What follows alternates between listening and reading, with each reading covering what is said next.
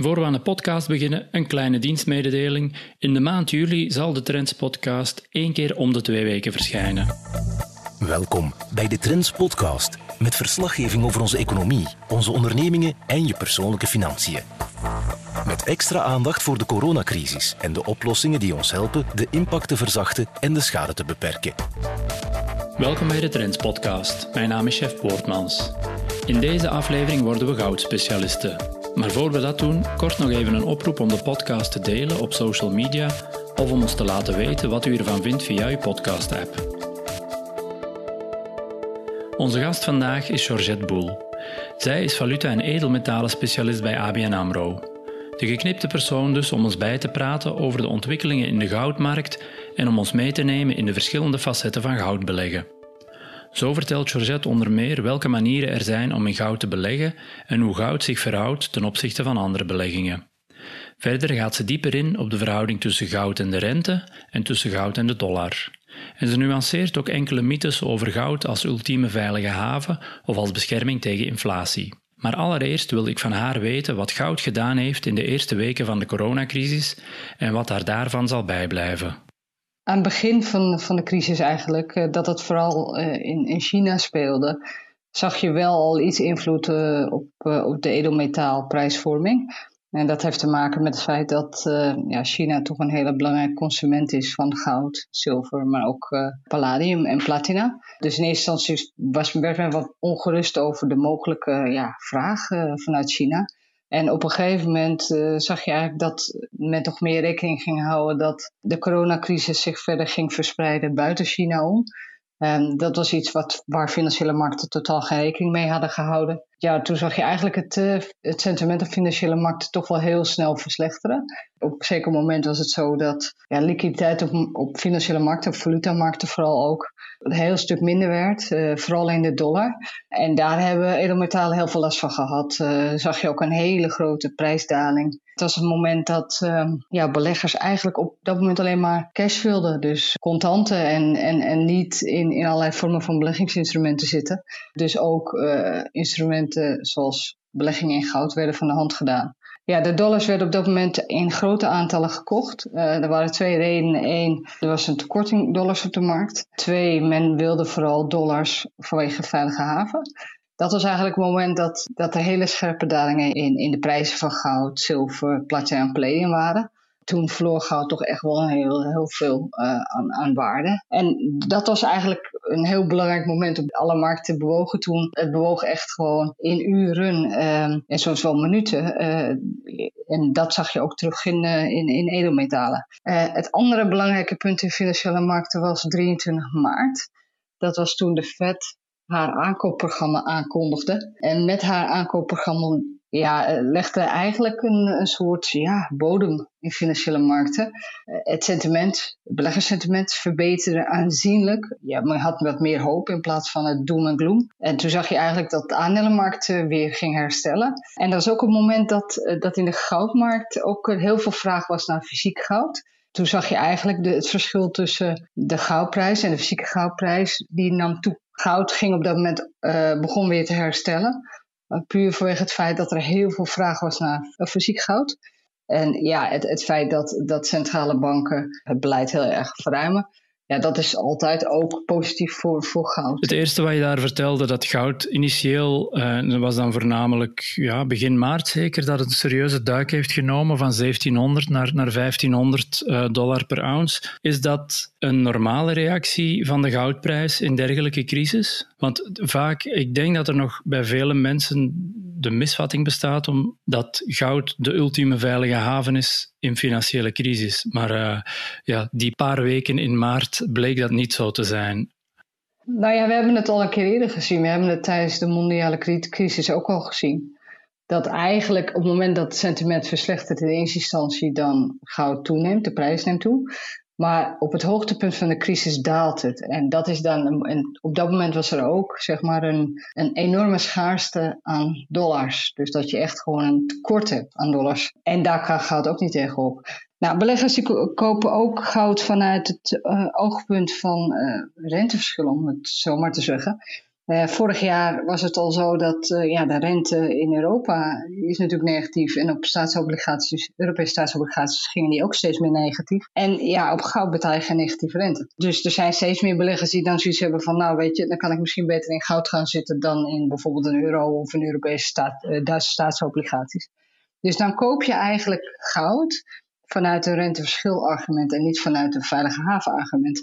En dat zat al achter die stijging van de goudprijs vorig jaar. Het was puur renteverschil monetair beleid. Krijg je dan een crisis eroverheen zoals nu, of zoals toen in maart, dan zoeken op dat moment beleggers iets wat altijd liquide is en waar een tekort aan is op dat moment. Uh, en dat waren dollars. En dollar en ook de Japanse yen zijn de meest liquide munten. En daar kan ook een goud niet tegenop. Liquiditeit in de goudmarkt is vele malen kleiner dan een liquiditeit in de dollarmarkt. Ja, en van waar die mythe volgens jou dat goud de ultieme veilige haven is, die blijft wel hardnekkig voortbestaan. Hoe komt dat, denk je? Beleggers, zeker in het verleden, hebben veel goud gekocht vanuit dat oogpunt, maar die kochten dan fysiek goud. Ja, er zijn in, in de goudmarkt heel veel verschillende beleggers. Er zijn ook altijd beleggers die zoiets hebben van, weet je, ik geloof niet dat het systeem stand houdt. Ik heb liever gewoon fysiek goud in de kluis en dan daar voel ik me prettig bij. Die beleggers kopen nog steeds vanuit veilige haven oogpunt. Alleen er zijn over de jaren heen heel veel andere beleggers ook bijgekomen die puur speculeren met de goudprijs. En dat komt ook omdat er meer instrumenten zijn bijgekomen die dat mogelijk maken de ETF's en andere afgeleide producten. Dus de markt, er zijn meer beleggers bijgekomen. De personen die goud voor veilige haven kopen en fysiek kopen, die zijn er nog steeds. Maar er zijn ook heel veel meer beleggers die uh, ja, goud kopen puur om te zeggen, nou ja, uh, renteverschil of speculeren met de goudprijs. En dat is natuurlijk heel anders. Op een gegeven moment zijn posities zodanig groot dat op het moment dat men cash zoekt, ja, dat was in maart, men had goud. Men had liquiditeiten nodig en daardoor verkocht men goud. Maar ik denk dat zeker onder beleggers goud uh, het idee is van veilige haven. Alleen ik denk dat men nu vooral moet nadenken van wat voor beleggers zitten in die markt, één. Uh, en wat voor reden kopen ze. Maar voor mij, als je kijkt nu naar hoe goudprijs reageert, we hebben echt maanden gezien dat de goudprijs uh, daalt met de aandelenmarkt en stijgt met de aandelenmarkt. Als iets echt een veilige haven is, dan, dan gebeurt dat niet. Dan, dan beweegt het contrair eigenlijk. En dat heeft puur te maken ook met de andere beleggers die ook in die markt zijn, die voor andere redenen goud kopen. En daardoor is eigenlijk het veilige havenbeweging of karakter is afgezwakt. En dat is iets van de afgelopen decennia of de afgelopen jaren dat die veilige haven karaktertrek is afge, afgekalfd? Sinds 2004, dat is eigenlijk het moment geweest dat uh, de markt open is gesteld voor ja, exchange traded funds. Dus dat hele hoop beleggers uh, konden gaan beleggen in goud. En dan zie je eigenlijk dat die, dat die, relatie verandert en dat ook de, dat goud ook veel meer een anti-dollarbeweging wordt dan puur alleen veilige haven. En hoe bedoel je anti-dollar? Uh, want hoe moeten beleggers daar naar kijken, de relatie tussen de dollar en de goudprijs? Want dat is ook iets waar al veel over gezegd en geschreven is en, en vaak ook wel tegenstrijdige berichten over komen of, of, signalen vanuit de markt komen die dat, dat aan tegenspreken. Hoe kijk jij daar tegenaan? Nou, over het, ik denk dat de dollar een van de belangrijkste drijfveren is in de goudprijs. Er zijn er meerdere, maar de dollar is er één van. Over het algemeen is het zo dat in momenten dat een dollar stijgt, de goudprijs bijna nooit stijgt. En dat heeft niet met het feit te maken dat er een soort ja, koersverhaal in zit, maar meer op het moment dat het sentiment richting dollar positief is, uh, of op het moment dat men vanuit veilige havenoogpunt oogpunt, uh, dollar kopen, zal men vaak niet op dat moment ook goud kopen. Die bewegen heel vaak contrair. Een andere uh, facet van de goudprijs die heel belangrijk is om in de gaten te houden, is wij noemen het de reële rente. Dat is dus de nominale de rente uh, gecorrigeerd voor inflatie. En wat wij vooral gezien hebben zeg maar in de afgelopen weken en maanden, is dat die Amerikaanse rente is heel hard omlaag gegaan. Maar de inflatieverwachtingen zijn niet zo hard naar beneden gegaan. Dus als gevolg daarvan, want dat is nominaal min inflatieverwachtingen, heb je nu een negatieve reële rente in Amerika. Nou, goud heeft geen negatieve reële rente. Dat is een positieve ontwikkeling voor de, voor, voor de goudprijs in het algemeen. En ja, per saldo is het zo dat op het moment dat centrale banken uh, aan het verruimen zijn zoals ze nu aan het doen zijn, dat is per saldo ook goed voor goud. Wat er nu bij komt, en dat is waar beleggers nu wel wat nerveuzer zijn dan in het verleden, is dat je hebt nu centrale banken die heel veel verruimen. En je hebt uh, overheden die allerlei stimuleringsmaatregelen aankondigen. Dus je krijgt een heel groot begrotingstekort in veel landen, of die is er al. En die twee dingen samen, ja, dat zijn over het algemeen positieve ontwikkelingen voor de goudprijs. Dus als je nu kijkt, is de omgeving positief voor goud. Wat vooral negatief is, is dat beleggers, en vooral wat kleinere beleggers, die zitten al massaal in goud. Dus we noemen het eigenlijk een soort crowded trade. ETF-posities zijn nog nooit zo groot geweest in goud. En waarom is dat uh, onrustwekkend of iets om op te letten? En, en, wat is er anders daar aan die situatie dan, dan voordien? Wat is het nieuwe aan dat gegeven? Nou, wat daar, wat daar heel belangrijk is, is dat op het moment dat zoveel mensen in die posities zitten, en, en, het, en het voldoet dan niet aan de verwachtingen, dan kunnen ze teleurgesteld worden. En dat is, dat is iets waar je altijd rekening mee moet houden. Op het moment dat beleggers eigenlijk iets al gekocht hebben, dan kan je de vraag stellen of hoe ver die nog verder omhoog kan gaan. Want er moeten eigenlijk altijd nieuwe beleggers bij komen, wil zo'n koers gaan stijgen. En eigenlijk als je nu kijkt, de goudprijs is sinds, ja, sinds maart beweegt hij een beetje ja, in een soort bandbreedte. Het, het, het gaat tot omhoog, het gaat tot omlaag. Het, het zit hier net iets ook boven de 1700 als je het kijkt, de prijs ten opzichte van de dollar. Uh, maar het gaat ook niet heel hard omhoog van deze niveaus. En dat komt omdat als je kijkt naar wat speculatieve beleggers doen, die zijn, die zijn juist op dit moment wat goud aan het afbouwen. Dus de mensen die ETF's kopen, die, die kopen e goud-ETF's, zeg maar. En de speculatieve beleggers die dus op de futuremarkt uh, posities innemen, en dat zijn de wat professionellere partijen over het algemeen. De short posities zijn iets toegenomen. Uh, en de, de posities dat je goud hebt, zijn afgenomen. Dus de, het saldo is dat ze daar wat goud verkocht hebben juist. En dat is ook een, eh, een van de redenen waarom goudprijs nu niet verder omhoog gaat. Je hebt een, klein, een beetje een kleine wisselwerking tussen die twee, um, zoals je zegt, die speculatieve beleggers die op de futuresmarkt actief zijn en anderzijds de, degenen die er via de ETF's en afgeleide producten in zitten. Die houden elkaar zo'n beetje in de... In evenwicht nu. Op dit moment wel. Kijk, als ze allebei toenemen, die, dat houdt in dat iedereen uh, heel erg optimistisch is en dan gaat die goudprijs over het algemeen hard omhoog. En nu is het zo dat, dat de beleggers die vooral op de futuresmarkt beleggen, die zijn wat voorzichtiger. Terwijl de, de, ja, degenen die ETF's kopen, en dat zijn vaak de wat kleinere beleggers, die, ja, die zijn nog steeds heel erg optimistisch. Alleen de toekomst zal uitwijzen wie. Wie gelijk heeft. Ja, ja, klopt. Ja. Maar je hebt nu al verschillende zaken aangehaald. Dat is misschien voor de luisteraars ook ter verduidelijking handig. Er zijn verschillende manieren waarop beleggers blootstelling kunnen uh, nemen aan goud. Uh, je hebt die ETF's, uh, Exchange Traded Funds. Je hebt al over fysiek goud gesproken. Ja, welke, welke verschillende manieren zijn er volgens jou en kun je ons daar kort doorheen fietsen? Nou, om te beginnen met fysiek goud. Beleggers kunnen fysiek goud kopen in de vorm van munten, maar ook in de vorm van een bar, dus een kilobar bijvoorbeeld.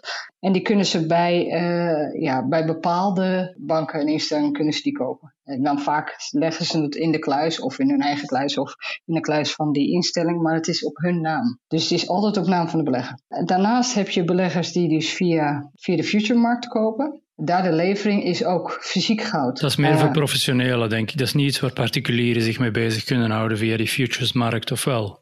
Nou, het kan wel, maar de bedragen zijn vaak groter. En je hebt ook aan allerlei regels te voldoen uh, van, uh, van de exchanges. Eh, je moet er wel wat van begrijpen. En je moet ook begrijpen dat je als je op een gegeven moment, als de koers tegen je inloopt, dat je bepaalde liquiditeit aan moet leveren. Dus dat zijn vaak de grotere beleggers. En dan heb je inderdaad ETF's, daar hebben we het over gehad. Uh, maar er zijn zoveel verschillende vormen van ETF's. Is dat je altijd moet kijken van oké, is het fysiek gedekt? Als een fonds fysiek gedekt is, dan volgt hij inderdaad de goudprijs. Het punt is alleen dat een belegger het nooit op zijn naam ergens in een kluis heeft liggen. Dus zit wel fysiek achter. Dus uh, op het moment dat er heel veel mensen uh, in een bepaald fonds aandelen kopen, zeg maar, dan koopt dat fonds koopt fysiek goud. Ja, er zijn ook fondsen die geen fysieke dekking hebben, maar alleen kijken naar hoe de goudprijs loopt. Alleen al in het ETF-verhaal zijn er zoveel verschillende vormen van beleggen. Daar raak je niet over uitgepraat, zoveel is dat. Er is ook bijvoorbeeld, uh, we noemen het metal account goud. Dat is gewoon goud op rekening. Het is niet fysiek gedekt, maar je kan naar een bank gaan en zeggen van ik wil een goudrekening openen. Net zoals je een dollarrekening opent of een eurorekening opent. Of ja, je kan ook gewoon goud sieraden kopen. Heb je ook goud. Maar dan is de vraag van hoe, hoe zuiver is het? dus ja, dat zijn, dat zijn allerlei verschillende manieren om, om toch wel in, in, in goud te kunnen beleggen. En ik denk dat voor elke vorm van beleggen ja, ook bepaalde, bepaalde investeerders aan, beleggers aantrekt. Iemand die heel erg bang is dat het hele systeem in elkaar zal storten en echt van alleen voor veilige haven koopt, zal waarschijnlijk alleen maar fysiek kopen. Die wil gewoon het in zijn handen hebben, die wil de munten ergens hebben. Mocht hij het nodig hebben, heeft hij het. Uh, op het moment dat mensen denken dat aan fysiek een tekort is, zal men of de futures doen kopen of inderdaad gewoon op een andere manier aan fysiek gaat proberen te komen. Wil je alleen maar speculeren met het feit dat je denkt dat de goudprijs omhoog gaat omdat centrale banken heel veel verruimen en uh, het fiscale beleid uh, alleen maar verruimd wordt, dan zijn alle andere manieren ook manier om daarin te beleggen. Maar dan beleg je op een, met een ander oogpunt en een andere tijdspan dan iemand die gewoon bang is van misschien stort het over twee jaar in. Ik stel me altijd wel de vraag bij degenen die dat met, met, uh, met die intentie doen, van ik wil het hebben omdat het systeem instort. Stel me altijd wel de vraag van stel dat het systeem dan instort, ja, en dan zit je daar met jouw goudmunten of goudstaven, ja, wat dan? Ja, maar goudmunten kan je altijd gebruiken voor, uh, om dingen te kopen. Ja, ja, ja, tuurlijk. Maar eh, sommige beleggers, want je hebt ook beleggers die, die, die, die er totaal geen oog voor hebben, maar die zeggen ook van goud op zich, ja, het doet niks. Als ik mijn geld in aandelen van een bedrijf steek, produceren dingen, meerwaarde naar de toekomst toe, die bekijken het vanuit dat oogpunt. En als die dan naar een goudstaaf kijken, zeggen die van ja, dat ding, dat doet niks. Ik weet niet ja, hoe jij tegen dat argument aankijkt, wat, wat jij ervan denkt. Nou, ik kan me dat op zich wel voorstellen. Maar je koopt ook niet goud omdat het iets doet. Je, wil, eh, je koopt het omdat je, het alternatief is dat je geld op een spaarrekening hebt staan eh, waar je geld voor moet betalen. Het verschil is alleen dat het liquiditeit van een euro al heeft die negatieve rente, of een, van een dollar of van een, een, bijvoorbeeld een Zwitserse frank, is nog altijd hoger. Is zo makkelijk, want als jij je fysiek goud wil omwisselen, dan zijn er vaak transactiekosten. Je moet naar een specifieke bank toe, dan moet gekeken worden hoeveel uh, is het waard en dat soort dingen. Terwijl als jij eh, je euro's om wil wisselen, is een druk op de knop en is, een heel, is heel wat sneller. Want over dat fysiek goud schrijf je in jouw stukken ook. Um, er is vaak een, een, prijsverschil tussen dat fysiek goud en de, ja, de spotprijs, zoals, jij, uh, zoals ze het noemen. Dat is de, de marktprijs voor goud. Wat veroorzaakt dat verschil? Zijn dat die transactie- en verwerkingskosten of, of zijn er andere dingen die daarachter liggen? Op dit moment is er ook nog steeds een uh, verschil tussen de fysieke goudprijs en, uh, en de prijs van spotgoud. Geeft ook aan dat er meer vraag is naar fysiek. In het verleden was er een stuk minder vraag. Nu zie je dat daar weer wat meer vraag is. Ook omdat het gewoon heel erg onzeker is uh, allemaal. Ik bedoel, op de aandelenmarkten ziet het er allemaal zo positief uit. het verschil tussen wat de economen voorspellen uh, en wat de aandelenmarkt de kant op gaat, ja, dat, dat is aardig groot, zou ik maar zeggen. En er zijn een hele hoop beleggers die gewoon ook gewoon ongerust maken van en we hebben monetaire verruiming en we hebben fiscale verruiming en het is met zulke grote percentages. Wat moeten we nu? Is er een verschil in hoe professionele beleggers, en ik denk dan aan grote pensioenfondsen en dergelijke, hoe zij daar naar kijken en met goud omspringen in hun portefeuilles en dan de wat meer ja, vrijbuiters, speculatieve beleggers. Um, is, het, is het een activa klasse die au serieus wordt genomen door de echt professionele beleggers? Ja, je ziet uh, absoluut dat, dat goud wel uh, serieus genomen wordt, maar ook in het, ja, in het hele groepje van grondstoffen. Dus grondstoffen worden vaak als een alternatieve belegging gezien. Uh, en daar zit goud natuurlijk ook in. Zijn, er zijn beleggers die in een portefeuille liever een bepaald percentage goud willen hebben. Uh, en anderen doen het meer via de grondstofallocatie. Um, en op die manier heb je ook altijd dan een kleine aantal of een klein percentage aan goud in je portefeuille. Ja, het reageert toch op een andere manier dan de andere assets. En goud zeker dan uh, in verhouding tot bijvoorbeeld meer cyclische beleggingen. Kijk, ondanks het feit dat ik denk dat goud steeds minder een veilige haven wordt, uh, is het wel zo dat aandelenmarkten gaan met een groter percentage omlaag als de markt omslaat dan goud bijvoorbeeld. En dat zie je ook bijvoorbeeld in verschil met zilver en platina en palladium. Die zijn in maart veel harder omlaag gegaan dan goud omlaag is gegaan. Maar ging wel omlaag, maar minder omlaag. Ehm, en dat zijn ook vaak dingen dat, dat beleggers zoiets hebben van oké, als ik zoiets dan heb in mijn portefeuille, dan, ja, dan is de balans beter. En, en, en de echte speculanten, ja, die nemen heel doelbewust een positie in goud vanwege dat ze denken dat het te goedkoop is uh, uh, of dat ze andere vooruitzichten daarin hebben. Dus uh, dat is een hele andere manier. Dan is het niet in portefeuilleverband, maar meer een hele gerichte belegging. Een veelgehoorde motivatie ook voor goudbeleggers. En ik weet niet of dat samenhangt met dat veilige haven-idee waar je het over hebt. Maar is, sommigen zien het ook als de ultieme bescherming tegen inflatie. Ja, wat, moeten we daarvan denken? Valt er iets voor te zeggen? Of is dat iets uit het verleden dat nu nog blijft doorleven, maar zonder de, dat er goede redenen voor zijn?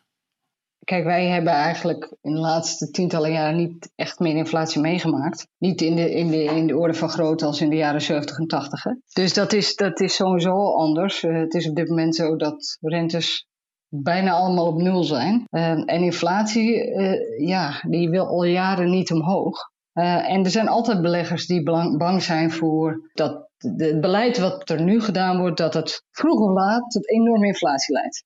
Als, inflatie hard omhoog gaat, dan hangt het op dat moment puur af van wat doen centrale banken op dat moment. En dat is eigenlijk wat weer terugkomt in het reële renteverhaal. Heeft men het gevoel dat de centrale banken dan achter de feiten aanlopen? Dat houdt dan in dat de inflatieverwachtingen harder stijgen dan de rente. Dan krijg je dus negatieve rente. En ja, negatieve rentes, als het meer negatief wordt, dat is per saldo goed voor de goudprijs. Dus het is, het is, een, het is puur van, ja, inflatie kan plotseling omhoog schieten. Maar als centrale banken dan ook net zo hard hun beleidsrente verhogen, heeft het ene een positief effect op de goudprijs en het andere een negatief effect op de goudprijs. De hoge rente is niet goed voor goud, want goud betaalt geen rente. Maar ja, als je negatieve rente krijgt, of steeds meer negatieve rente, dan is ja, goud als, als belegging een heel stuk aantrekkelijker. Die beleggers die, die vaak voor die hyperinflatie waarschuwen of zo, eh, klopt het dat er ook vaak de, de zogenaamde goldbugs zijn die al jaar en dag zeggen dat, dat goud eigenlijk aan 6.000, 7.000 dollar zou moeten staan en, en, en die ook al 15 jaar lang aan het schreeuwen zijn van de hyperinflatie komt. Is, is dat ook een fenomeen van alle tijden of is het, uh, zijn die, die goldbugs roepen die toch wel steeds luider de laatste jaren. Ik denk dat het al jaren speelt. En dat is ook iets wat je heel duidelijk ook in de, in de, in de goudmarkt hebt. Je hebt mensen die er gewoon echt, je kan het callbox noemen, maar die geloven er gewoon echt in dat het echt niet goed gaat met het systeem. En dat je inderdaad of inflatie door het dak heen gaat, of dat monetaire verruiming ja, gewoon niet de goede kant op gaat. Of door de gigantische overheidstekorten. Dat je daardoor op een gegeven moment een crisis na crisis zou krijgen. Dus ja, en die, ja, dat zijn vaak inderdaad ook de mensen die verwachten dat uh, de goudprijs inderdaad heel scherp zal stijgen. En hoe kijk jij daarnaar? Naar die argumenten. En, en eh, ben jij een goldbug of ben jij um, wat terughoudender? Ik probeer wat meer beide kanten van het verhaal te pakken ik sta daar wat neutraler in, zou ik zeggen. Er zijn omgevingen uh, waarin de goudprijs gaat stijgen en andere momenten dat het gaat dalen. De huidige situatie is absoluut positief voor de goudprijs. Rentes zo laag en uh, monetaire verruiming en fiscale verruiming en toch wel onzekerheid uh, terug van de economie. Dus ja, de situatie is gewoon positief voor goudprijs. Maar ja, aan de kant verwacht men al heel veel van die goudprijs. En met de goudprijs is natuurlijk al de afgelopen jaren behoorlijk omhoog gegaan. Dus ja, dan word ik altijd wat voorzichtiger. Ik wil niet zeggen dat je boven het niveau van die 1900, boven het niveau 1900 kan komen weer. Want daar zijn we natuurlijk een paar jaar geleden geweest. Ja, Alleen, was in, in 2011 dat de prijs tot de, richting de 1900 is gegaan. Ja, en de grote, en de grote daling was in 2013. En dat was toen de, de beleggers uh, in ETS de plotseling geen vertrouwen meer in hadden. En toen hebben ze echt een hele grote aantal posities toen van de hand gedaan. Maar ja, dat was inderdaad in, 2011 dat, je, dat die goudprijs hard omhoog ging. En toen schreeuwde men ook om 3000, 4000 dollar. Uh, het, punt, het punt alleen is, er komt een moment uh, dat bijvoorbeeld centrale banken toch weer een andere kant op gaan. En misschien de rente weer gaan verhogen. Uh, en dan gaat het er wat minder goed uitzien voor goudprijs. Alleen op dit moment voorlopig ziet dat er nog niet uit. Want ik bedoel, we zitten nu nog in, hen, in een omgeving waar men vooral de economie probeert te steunen. Op allerlei manieren. Maar ik, ik ben niet iemand die denkt dat we binnen nu en vijf jaar op 7000 euro, uh, eh, 7000 dollar staan. Ik zie wel dat, er, dat, er nog wel, dat het misschien nog wel wat omhoog zal kunnen gaan. Alleen op korte termijn ben ik gewoon wat voorzichtig omdat men al zo positief is. Ja, je hebt ook al meermaals aangehaald, het, het hangt samen met, met valuta, dus met, met de dollar en, en uh, ja. voornamelijk.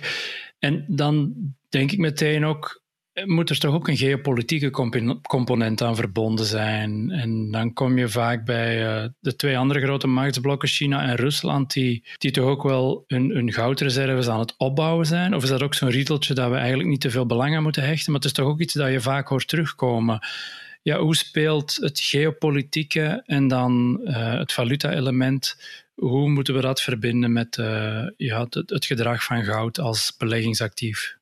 Om eerst met de dollar te starten. Ik denk dat je op een gegeven moment in die situatie terechtkomt dat de dollar gewoon flink gaat dalen. Uh, fundamenten op dollar zitten, liggen gewoon niet goed. De basis is niet goed. En met die basis bedoel je dan de... De, de, de... de economie, de fiscale beleid. Etc. Kijk, de verruiming van de Amerikaanse centrale bank is zo groot. Er is geen andere centrale bank die in de buurt komt. En dat gaat vroeg of laat gewoon zorgen voor een lagere dollar. Het lijkt nu al een beetje in gang gezet te zijn, maar ik denk wel dat je dat het nu nog te vroeg komt. Dat, dat je nog een, toch nog een, een, een, een omgeving kan hebben dat beleggers risico gaan mijden en toch die dollar weer gaan kopen. Maar mocht die lange termijn trend van de dollar echt naar negatief gaan, wat ik wel verwacht binnen nu en eind volgend jaar, dan krijg je eigenlijk een, een trend die een paar jaar negatief is, denk ik. Uh, en dat is per saldo positief voor goud. Als je kijkt wat Rusland doet, Rusland probeert vooral hun eigen mijnbouwindustrie te steunen. En die zijn de, jaren, de afgelopen jaren ook inderdaad reserves, goudreserves wat aan toenemen. China doet in principe hetzelfde. China is een van de grootste, of is de grootste producent van goud. China die, die steunt ook de eigen uh, mijnbouwbedrijven. China heeft in hun officiële reserves maar een heel klein percentage goud. Heel veel dollars, maar heel weinig goud. Dus het feit dat ze iets, willen, iets meer willen diversificeren, is op zich niet zo gek. Dus kijk, gaan ze dat wat meer doen? Ja, dat zal absoluut steun geven aan de goudprijs. Op dit moment is het zo dat de goudprijs vooral bepaald wordt wat beleggers doen, omdat die posities die beleggers innemen vele malen groot zijn. Maar het feit dat centrale banken kopen is ja, absoluut belangrijk. Maar als je bijvoorbeeld nu kijkt naar hoe groot de posities zijn in de futures en in de ETS samen, nou dat is ongeveer net zoveel als wat er geproduceerd wordt per jaar. Dat geeft eigenlijk aan. En, en wat het gevaarlijk vaak is met die posities, is dat als beleggers van het een op het moment denken van ik geloof er niet meer in, want zo snel kan dat soms gaan, dan verkopen ze de hele handel. En dan komt dat gewoon als extra aanbod op de markt. En dat is waarom in 2013 zo die goudprijs hard gedaald is. Omdat dat op dat moment gebeurde. En kijk, voordat je, een, uh, de, voordat je het uit de grond hebt, dat is een langzaam proces. En dat is, een, dat is niet zo volatiel. Maar aanbod of vraag in de vorm van beleggingen is veel volatieler. Maar dan specifiek voor de goudmarkt. Waar ga jij de komende maanden en het komende jaar Welke elementen ga je alert voor zijn om uh, te kunnen inschatten hoe de, de de, de edelmetaalmarkten zich gaan gedragen? Ik vermoed dat daar veel van de elementen die je al besproken hebt in gaan terugkomen. Maar als je nu zou zeggen voor de komende maanden, ik ga op dit, dit en dat letten, uh, wat, wat is dat voor jou? Nou, op korte termijn is het sowieso uh, uh, van ja, gaat dat sentiment nog een keer verslechteren? Wat ik wel verwacht. Dus dat men toch weer nerveus wordt op financiële markten, dat je een, toch weer een soort paniekgolf krijgt. En dan denk ik dat je, dat, dat je toch wel een, dat beleggers wat goud van de hand gaan doen. In ieder geval de posities wat lichter worden. Want de posities zijn natuurlijk nu heel erg groot. Maar dat is een scenario waarin dat er dan een beetje paniek is en gaat er dan weer die rush naar de dollar zijn ten koste van alle andere activa? Dat de dollar het in verhouding weer goed doet. En niet zoals in de paniek hebben gezien in maart. Want de Fed heeft ervoor gezorgd dat er voldoende dollars op de markt zijn tegenwoordig. Dus je zal niet een groot tekort hebben aan dollars, maar wel dat de dollar gekocht wordt als veilige haven. En dat, zal, dat kan een scenario zijn van of dat je een tweede golf hebt, of dat er uh, toch uh, geopolitiek uh, toch nog wat onrust ontstaat.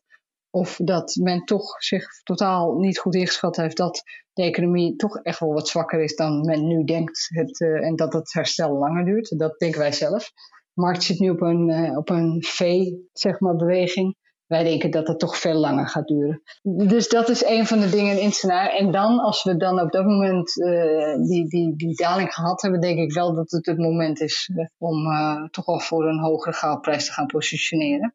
maar er moet gewoon, er moet eerst wat posities uit. Het moet even wat lichter worden. Dan, het is nu even redelijk zwaar. Je ziet ook dat het gewoon zo moeizaam omhoog gaat. Terwijl er echt wel goede redenen zijn waarom het omhoog zou moeten gaan. Dus dat is één. Uh, tweede, ga je echt die, die, die, die lange termijn downtrend of uh, verkoopgolf of dollar krijgen, die, die ik verwacht.